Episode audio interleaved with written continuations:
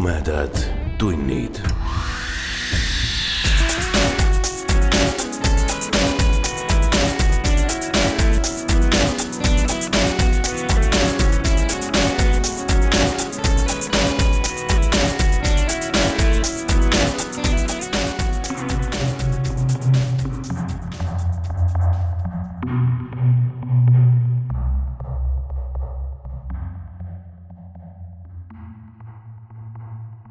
tere, hea ulmesõber. sa hakkad kuulama Tumedad tunnid podcasti suvise järjejutu viimast ja viiendat osa. kui oled sattunud siia kogemata või algus on juba meelest läinud, siis mine mõned osad tagasi ja tuleta meelde. mina ja Aiki Penno loeme nüüd aga teile viienda ja viimase osa Indrek Hargla süngest põnevusloost Suvitusromaan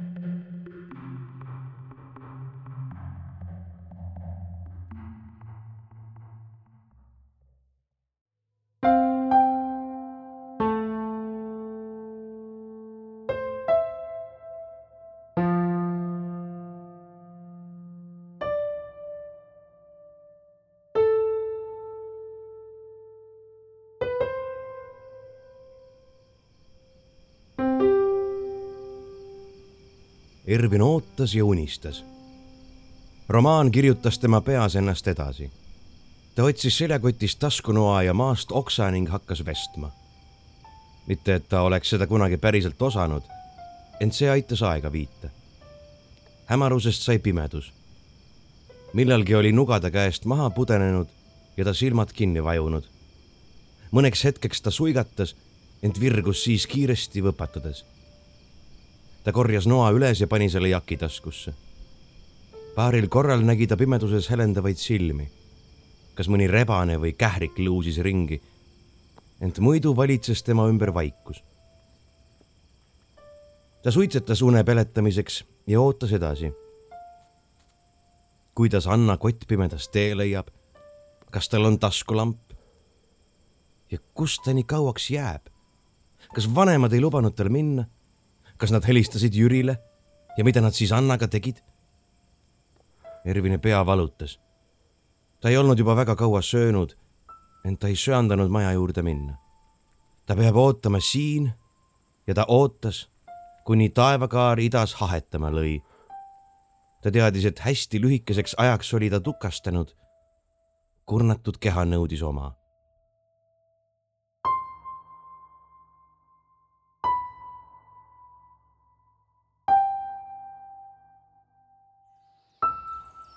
kui oli juba päris valge, siis avastas ta, et telefoni enam ei olnud. ta mäletas selgelt, et ööhakul oli ta selle maha visanud ja ei olnud üles võtnud. ja nüüd seda enam ei olnud. ent mitte see ei teinud teda närviliseks, vaid et Annat ka ei olnud ikka veel. kell võis juba viiele läheneda ja Kertu peaks varsti teeviida juurde jõudma. Annaga pidi olema midagi juhtunud. võib-olla hobune komistas metsas, ta kukkus ja on vigastatud kaugusest hakkas Ervinile kõrva mootorimürin.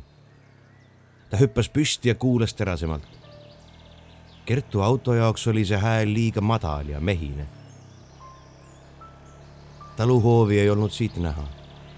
Ervin kõhkles viivu, kuid haaras siis oma kaika järele ja hakkas maja poole liipama. ta pidi nägema, ta pidi teadma. vaevaliselt üle sambla ja võsastikku komberdades lähenes ta majale mootorimüra paisus korraks pööraseks ja suri siis välja. auto oli kohale jõudnud. Ervin tõmbus kadakapõõsa varju ning nägi, et ATV oli tagasi jõudnud. Gunnari tundis ta muidugi kohe ära. Gunnar oli istunud kõrvalistmel ja rohkem potsatas, kui astus autost maha. teine mees tuli talle appi. teda ei olnud Ervin varem näinud. see oli heleda ja pöetud peaga noormees, kes kandis seljas sõjaväevormi ta õiendas Gunnariga midagi, krabas tal kaenla alt kinni ja lohistas pingi peale istuma. ta näis väga tugev ja kui ta oli Gunnari istuma saanud, vaatas ta ringi nagu otsiks kedagi või midagi ja hakkas siis otsejoones järve poole tulema. Ervin rabas toika järele. kui mees lähemale tuleb, siis ta kindlasti näeb Ervinit. nii et ta pidi kiirustama ta tahtis enne oma osmikusse jõuda. võib-olla on Anna tagasi ja ootab teda. jalg tegi ropult valu, kuid ta sundis ennast kiiremini liikuma. ta surus hambad risti ja liipas. Osmik lähenes. veel vaid mõned meetrid ja siis. oi-oi, hüüdis mehe hääl Ervini selja taga. ta pööras end aeglaselt ümber. sõjaväevormis noormees tuli hoogsal sammul talle lähemale, aval naeratus näol. Juba nii varakult üleval. Ervin noogutas. ta aimas, kes see mees oli. Ervin, jah? kirjanik? küsis mees ja sirutas käe. Andrus. Nad surusid kätt. tema pigistus oli veel tugevam kui Gunnaril. olid minemas kuskile? küsis Andrus. ei, ta ei naeratanud. see oli rohkem irvitus. niisama, kohmas Ervin. Ma mõtlesin, et hingan värsket õhku natuke. ma tõin papsi küla pealt koju, oli endal jälle kuskil nina õliseks tõmmanud. ahah, kostis Ervin. eks ikka juhtub, jah. näh, hüüatas Andrus äkki. minu ratas on siin. ei tea, kuidas see siia sattus. ma tõesti ei tea. kuule, mis jalaga on? lihase rebestasin natuke välja. Siis tuleb vähem rabelda, mis? nagu rahulikumalt võtta või nii? eks ma proovin. siis on lahe. kas sa ootasid kedagi? ei, ma ei oodanud kedagi, ma lihtsalt jalutasin. sihukese sandi jalaga? ei olnud paremat kuskilt võtta. Andrus naeris. naljamees oled ka? Andrus, kostis äkki metsa poolt Gunnari purjus hääl. Nad mõlemad vaatasid ja nägid, et Gunnar koperdab puude vahel, pea maas ja jalad ristis. ma otsin oma emmet, muide, ütles Andrus äkki ja vaatas teraselt Ervinile silma. Anna on ta nimi. sa äkki tead teda? natuke jah, pomises Ervin. muidugi tead. ta ju teeb sulle süüa, eks? Hoolitseb ja suksutab, mis? ma põgusalt tean teda, kordas Ervin. emme on mul kuhugi ära kadunud. kodus ei olnud ja tallis ei olnud. sina ei ole teda näinud? ta kannab selliseid siniseid dresse, tead. Ervin vist võpatas kergelt. dresse oli Anna kandnud ainult eile õhtul. ei, ma ei ole näinud. oi türa raisk, röögatas Gunnar äkki. Ta oli jõudnud osmikute juurde, nõjatus taarudes puunajale ja vaatas Ervini poole. ta nägu oli täis viha ja raevu. ta tõstis rusika ja röögatas uuesti. see munn. ma kägistan ta sita ära, raisk. Gunnar tegi sammu ja käis käpuli.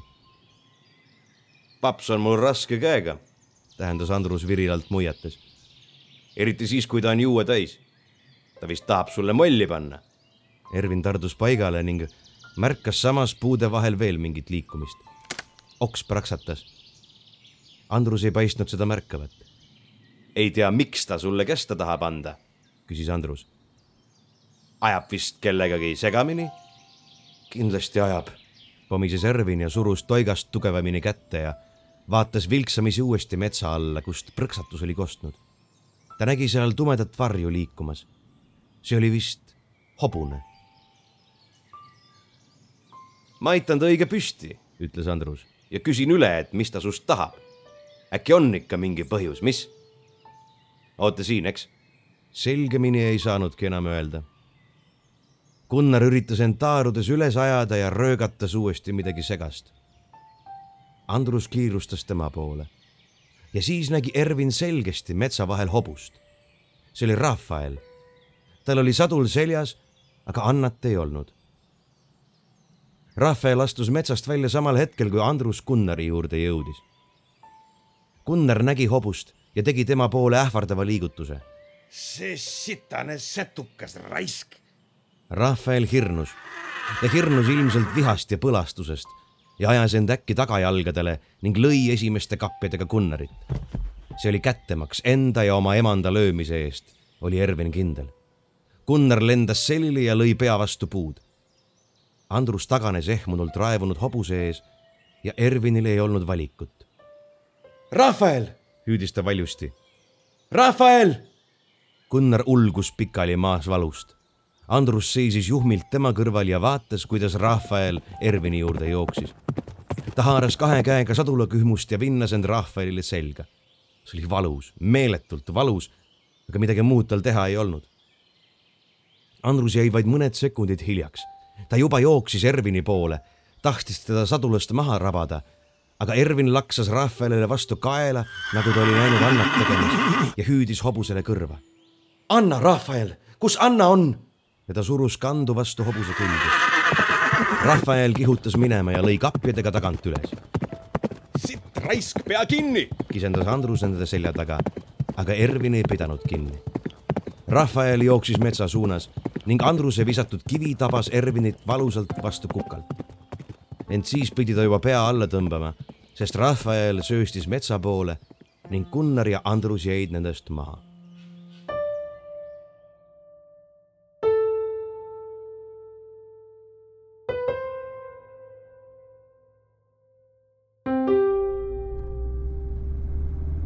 Kertu ei jõudnud Ristemäele kella viieks hommikul. Ta jõudis palju hiljem, umbes kaheksa paiku. sest sada häda olid teda linnas kinni pidanud et oli reede õhtu, siis ta ei saanud kohe taksot ja pidi ootama ning nii hilja ta üksi trolliga sõita ei julgenud. kodus ei jäänud ta kuidagi magama, sest ta süda valutas ja venelastel oli üleval korrusel räme pidu. kui ta siiski mõne tunni magada oli suutnud ja kella kolme paiku hoovi auto juurde läks, nägi ta, et keegi idioot oli selle oma BMW-ga väga osavalt kinni parkinud.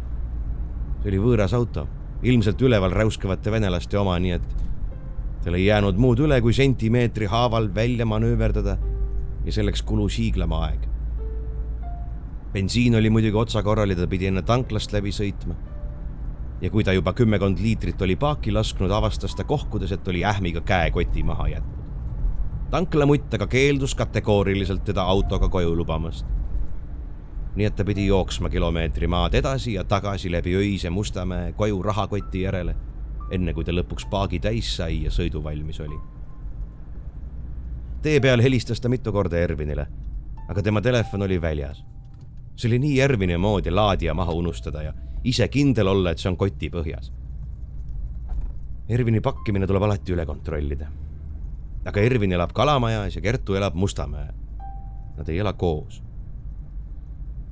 aga Kertu uskus, et kõik saab korda ta uskus, et tal on mõnikord Erviniga telepaatiline side. Nad on nii kaua koos olnud, et nad teavad, kuidas nad mõtlevad. Ervin rehkendab välja, et Kertu peaks jõudma umbes viie ja kuue vahel ja tuleb selleks ajaks kruusateele.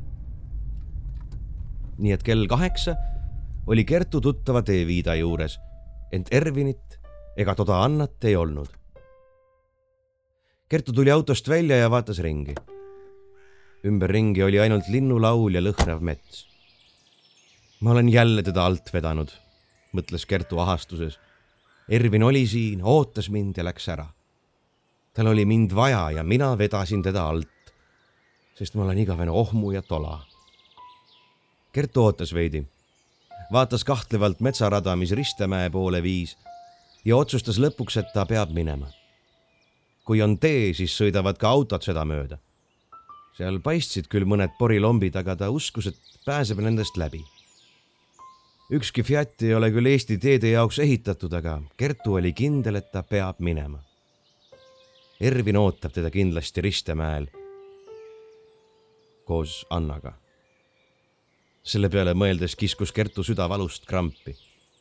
aga see oli tema poliitika. nii oli ta otsustanud juba ammu.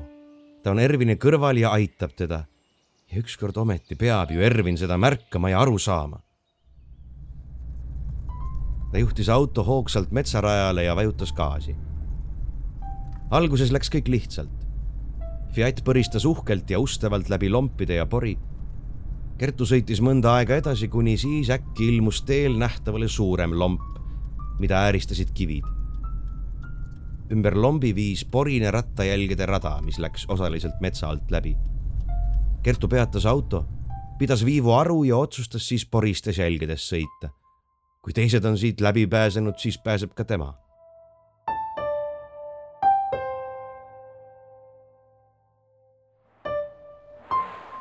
Ja alles siis, kui Fiati põhi kaapis vastu samblast metsaalust. hullunud siduri hais täitis salongi ja rattad tühjas kohas õhus pööraselt ringi undasid. tuli Kertule pähe küsida, et kas need just väikese sõiduauto jäljed olid, mis olid sellest lombist ümber sõitnud. meeleheites tuli ta autost välja ja uuris olukorda. nii palju, kui ta suutis aru saada, oli ta madalas kohas lootusetult kinni jäänud. Ja jäljed, mida mööda ta oli üritanud sõita, kuulusid ilmselt traktorile või mõnele võimsale maastikuautole. mis ma teen, mis ma teen, mis ma teen, mõtles Kertu paaniliselt ta peaks vist kas auto abisse helistama, aga läheb ju hiiglama aeg, enne kui nad mõne tõstuki või midagi muud laupäeva hommikul siia pärapõrgusse saadavad. Ervin ju ootab. jälle, jälle, jälle oli ta Ervinit alt vedanud. Ta vajus Fiati kapotile ja puhkes nutma.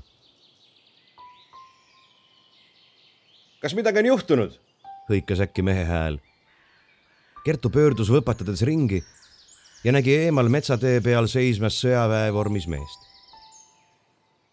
mu auto jäi kinni. noormees muigas ja tuli lähemale. tal oli hästi lühikeseks pöötud juuksed ja alles nüüd märkas Kertu, et tal oli püss õlal ja miski raadiosaatja vööl. siis on küll paha lugu, ütles noormees, kui oli autot veidi aega uurinud. traktorit on vaja kas te teate siinkandis mõnda traktorit? küsis Kertu lootusrikkalt. Ristemäel äkki on, ma just sinna sõitsingi. noormehe silmis välgatas huvi. Ristemäel muidugi on. mis pärast sa sinna siis sõitsid? Oh, mu sõber puhkab seal ja ma tulin talle järele. ta ootab mind. noormees puhkes lõbusalt naerma Ervin või? see meie kuulus kirjanik Ervin, jah. kilkas Kertu rõõmsalt. kas te tunnete teda? Andrus, ütles noormees ja sirutas Kertule käe. Andrus on minu nimi. me oleme Erviniga vanad sõpsid juba, ma ise töötan Ristemäel. issand, kui tore, hüüatas Kertu kergendatult. Ervin helistas eile õhtul, midagi oli vist juhtunud ja palus, et ma järgi tulen. ta ise autoga ei sõida, eks ole, ja ma tulin nii kiiresti, kui sain. ega te ei tea, mis tal seal juhtus? ta väänas jala välja kostis noormees, kelle nimi oli Andrus. appi, midagi tõsist või? aga Anna, mis Annaga juhtus? Anna pidi kaasa tulema ja Ervin ütles, et see on väga tähtis. noormees oleks nagu viivu endaga aru pidanud. Ta kissitas silmi ja sikutas püssirihma, enne kui vastas. Annal oli vist mingi kiire asi linnas ajada. Ervin tahtis arsti juurde ja Annal oli panka vaja minna või midagi. laupäeval no ega mina täpselt ei tea. kuule, aga ma viin sind sinna kohale. sealt tulete koos Ervini ja traktoriga siia ja sikutame masina välja, mis? hea küll, suur tänu teile, aga ma mõtlesin, et äkki ma ootan siin tee peal, kui Ervin äkki tuleb. see ei ole vist päris hea mõte, vaata, siin on eramets ja jaht käib praegu. ohoh, päris jaht või? ikka päris. mehed on metsa peal, iga moment võib pauk käia, kui sa siin üksi passid appi. Andrusega viipas peaga, sikutas veel kord püssirihma ja hakkas astuma. Kertu sibas talle usinalt järele. Nad läksid metsateele ja kõndisid edasi. Kes see Ervin sulle on? küsis Andrus, kui nad olid mõnda aega vaikides kõndinud. sõber, väga hea sõber. ma toimetan tema tekste, eks ole, ja ajan tema asju. Andrus mühatas naerda ajad asju teadagi. ajan jah, ta on ise mõne koha pealt väga saamatu. seda küll, kohmas Andrus. kas meil on kaugele minna? siit suts läbi metsa ja siis talu juba paistab, ära muretse. Nad kõndisid veel veidi ja siis hakkas Andruse raadiosaatja vööl kahisema. Andrus viipas kiiresti Kertule, et too edasi läheks. haaras raadiosaatja ja vastas. mis on, Jürka, räägi. Kertu kõndis edasi ja kuulis selja tagant raadiosaatjast mehe häält närviliselt läbi ragina hüüdmas. sõnadest ta täpselt aru ei saanud, kuid korra talle tundus, nagu oleks mainitud Annat. tulge mulle vastu, kähvas Andrus kiiresti saatjasse. Mööda rabakateed, mul on kõik puhas. Andrus rääkis veel midagi, kuid Kertu ei kuulnud enam. siis jooksis Andrus talle järele. kas midagi tähtsat? poisid võtsid põdra jäljed üles, irvitas Andrus. ja nad tulevad meile ATV-ga tee peale vastu, kõik on korras. ma ei teadnudki, et jahil on raadiosaatjad. odavam kui Mobla ja operatiivsem, kõik kuulevad kõiki. jaht on ohtlik värk kas Anna kohta öeldi seal midagi? Öeldi küll.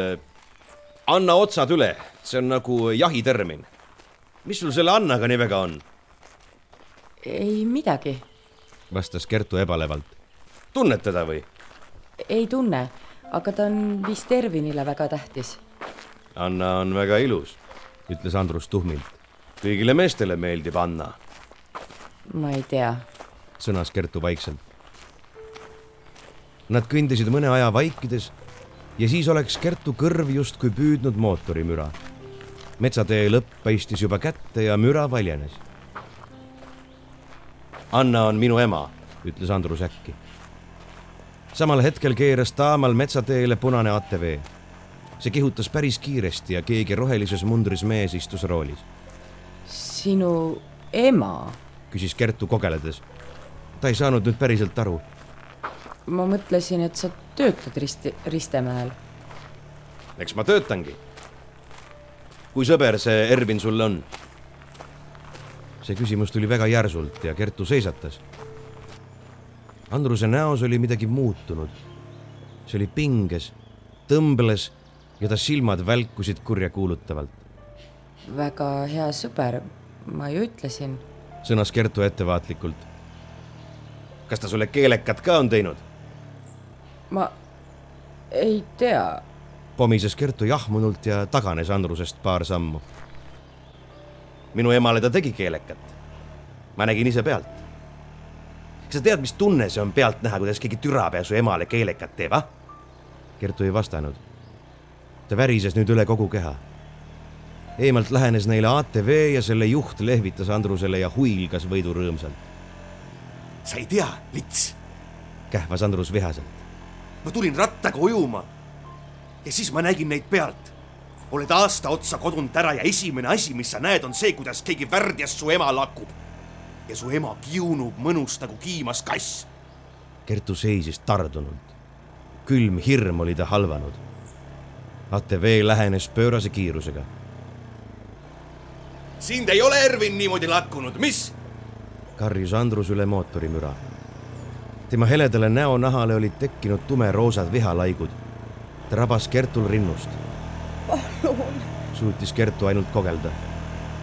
Andruse raevunud nägu kummardus talle väga lähedale. ta ei ole jah, aga küll sa tahaks, mis? kogu aeg oled tahtnud. aga tead mis? seda annab korraldada. teeme ära. ATV peatus nende ees poripritsides keegi mees kargas selle pealt maha ja irvitas pööraselt naerda. Andruse sõrmed kraapisid valusalt Kertu rinda, kui ta tema pluusist krabas ja talle näkku kisendas. teeme ära, raisk, talgute korras, Jürgen, mis, ah? vabalt, hüüdis Jürgen ja kiskus oma püksilukku lahti. siinsamas, mis? ei, mitte siin. kõigepealt me võtame kirjaniku kinni ja siis ta lakub seda litsi meie nähes lakub nii, et lits mõnust kiunub. ja siis me künname neid mõlemaid, ribadeks künname, peenikesteks veristeks ribadeks ja minu ema vaatab seda pealt. Kertu nägi, kuidas jahipüssi kaba ta näole lähenes. ta kuulis isegi raksatust, kui see tema lõuga tabas.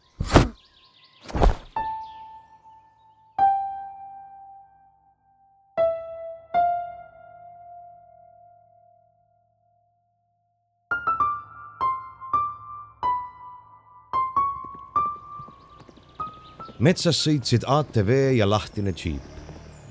Ervin nägi neid vilksamisi eemalt ja kuulis meeste räuskamist. paar korda paugutati püsse.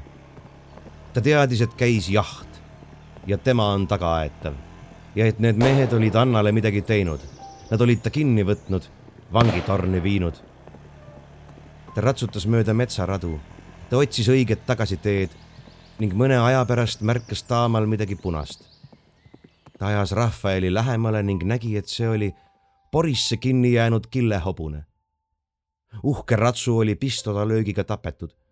tema tuhmid klaasistunud silmad vaatasid elutult Ustavile otsa. nii et nad olid ka kille röövinud ja vangitorni viinud. ja tema, Ustav, pidi Ülsvingi ja kille vabaks päästma. see oli talle saatusest määratud. saatus on ta proovile pannud. Ta peab tõestama, et see armastus, millest ta on kirjutanud, on olemas ja et õilsad ja üllad tunded võidavad õeluse ja kurjuse. ja kummalisel kombel ta ei kartnud. ta on täpselt õiges kohas ja tegemas seda, mis on olnud tema ülesanne.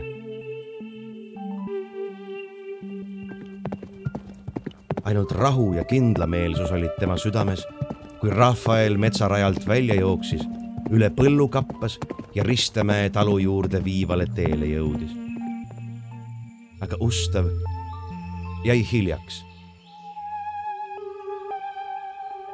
kindluse müüride ees vibuharjutusväljakul oli vana krahv Nigul ammu nooltest läbi lastud ning veri tema haavadest oli värvinud rohu erepunaseks. Hallamäe isand Gunnar seisis tema laiba kohal, jalg tema rinnale toetatud ja kuulutas oma tapatööst. Lõpuks ometi oli ta kätte maksnud oma vangistamise eest lõpuks ometi oli ta oma vana vaenlase surmanud. õilsa neitsi Kille olid vaenlase sõjasulased ära rüvetanud. Nad olid ta ihualasti kiskunud ja nüüd lamas ta lauavirnal ja nuttis alandusest ja valust ning turvistikus sulased seisid tema ümber ja naersid. Ülsving oli seotud märklaua külge. Teda oli sunnitud pealt vaatama oma isa tapmist ja kille teotamist ja nüüd viskles ta köidikutes ja karjus, kui Ustav müüride ette jõudis. Ustav ei kõhelnud. ta kihutas oma ratsul müüride ette, seal olid virnas piigid. ta kummardus sadulast ning haaras ühe kätte, tõmbas oma ratsut ohjadest ning sundis teda kihutama vaenlase poole. Ta sööstis edasi, ta sirutas piigi ette ja sundis oma truud ratsut tormama otse vaenlase peale ta nägi, kuidas sõjasulased ambude poole jooksid, ent tema kihutas edasi. Ülsving kisendas meeleheitlikult. Gustav, ära tule siia, põgene! aga Ustav ei põgenenud. ta sööstis edasi, piik suunatud otse Gunnarile. ta on hull, röögatas Andrus. laske ometi raisk! Sõjasulased haarasid ammud ja sihtisid neid Ustavi poole ent samal hetkel tabas tema piik Gunnarit kaela. Gunnar karjatas valust ja kukkus. tema haavast purskas verd. isa! karjatas Andrus ja kummardus Gunnari kohale. ta surus haava kinni. Gunnar rögises ja viskles valus. sõjasulased olid sellest nii ehmunud, et taganesid mõned sammud ja Ustav pööras oma sõjaratsu ümber ja ajas rüütel Andruse poole. võta oma mõõk ja võitle minuga, hüüdis Ustav ja sirutas piigi ette. Andrus tõusis, aga ta ei võtnud mõõka ega piiki, vaid rabas ühe sõjasulase käest ammu ja sihtis sellega Ustavile. Ustav kuulis ammu valju raksatust ning nägi, kuidas nool talle väga aeglaselt lähemale lendas. Ta isegi tajus lööklainet veidi enne, kui nool teda rindu tabas. Need purustasid ta südame aga valu Ustav ei tundnud. ta võitles edasi. ta kargas oma ratsu seljast maha, ta haaras mõõga ja lõi vaenlasi. Nad ei langenud, aga Ustav võitles kui pöörane. ta nägi, kuidas rüütel Andrus tõusis oma isa laiba juurest ja läks kille poole. Tema nägu oli elaja oma ja ta röökis raevunult, kui ta kille pea püsti rebis ja tema kõri läbi lõikas kille keha vajus lõdvalt maha. ta oli olnud Ustavi mõrsja ja andnud elu oma peigmehe eest. tema ohverdusest hakatakse laule laulma ja Ustav laseb tema mälestuseks ehitada haldjakoja. sa põled põrgus selle ülla neitsi tapmise eest, röögatas Ustav, aga keegi ei kuulnud teda. Andrus komberdas neitsi Ülsvingi juurde, sidus ta lahti ja surus talle vibu kätte sa lased nüüd oma kallima ja tema litsi pihta märki, käskis Andrus. ma palun, Andrus, lõpeta see hullus. karjus Ülsving. no paluda sa oskad, kisendas Andrus vastu. nagu sa enne seda värjat palusid. ma nägin teid pealt, emme, ma nägin teid pealt. Sa lased tema pihta, sa maksad kätte, et ta minu isa ära tappis. Gustav vaatas, kuidas Andrus ta enda surnukeha siis püsti tõmbas ja kille kõrvale seadis. ja siis vaatas ta Ülsvingi ja nende pilgud kohtusid. Ülsving nägi Ustavit ja tema pilgus oli lubadus ja lootus. Ülsving teadis oma saatust. Ustav oli selle ise kirjutanud. Nad kohtuvad uuesti, aga mitte selles maailmas. Ülsving võttis vibu. tema nägu oli pisarates, aga korraga tekkis sellele mingi meelekindlus. ta tõmbas noole vinna ja vaatas otse Ustavile silma ja noogutas ta ei sihtinud. väga äkki lasi ta noole lendu ja see tabas Andrust otse südamesse. Siis haaras Ülsving hirmust tardunud sulase käest ammu ja pani selle endale suhu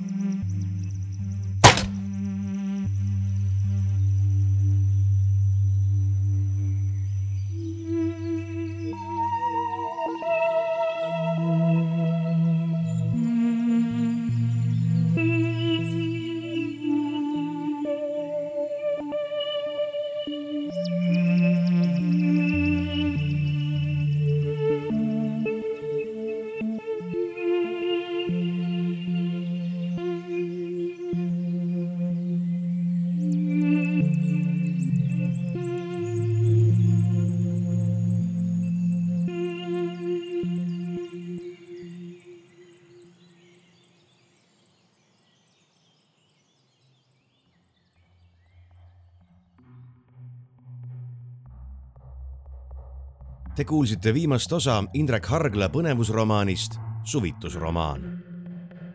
lugesid Priit Öövel ja Aiki Penno.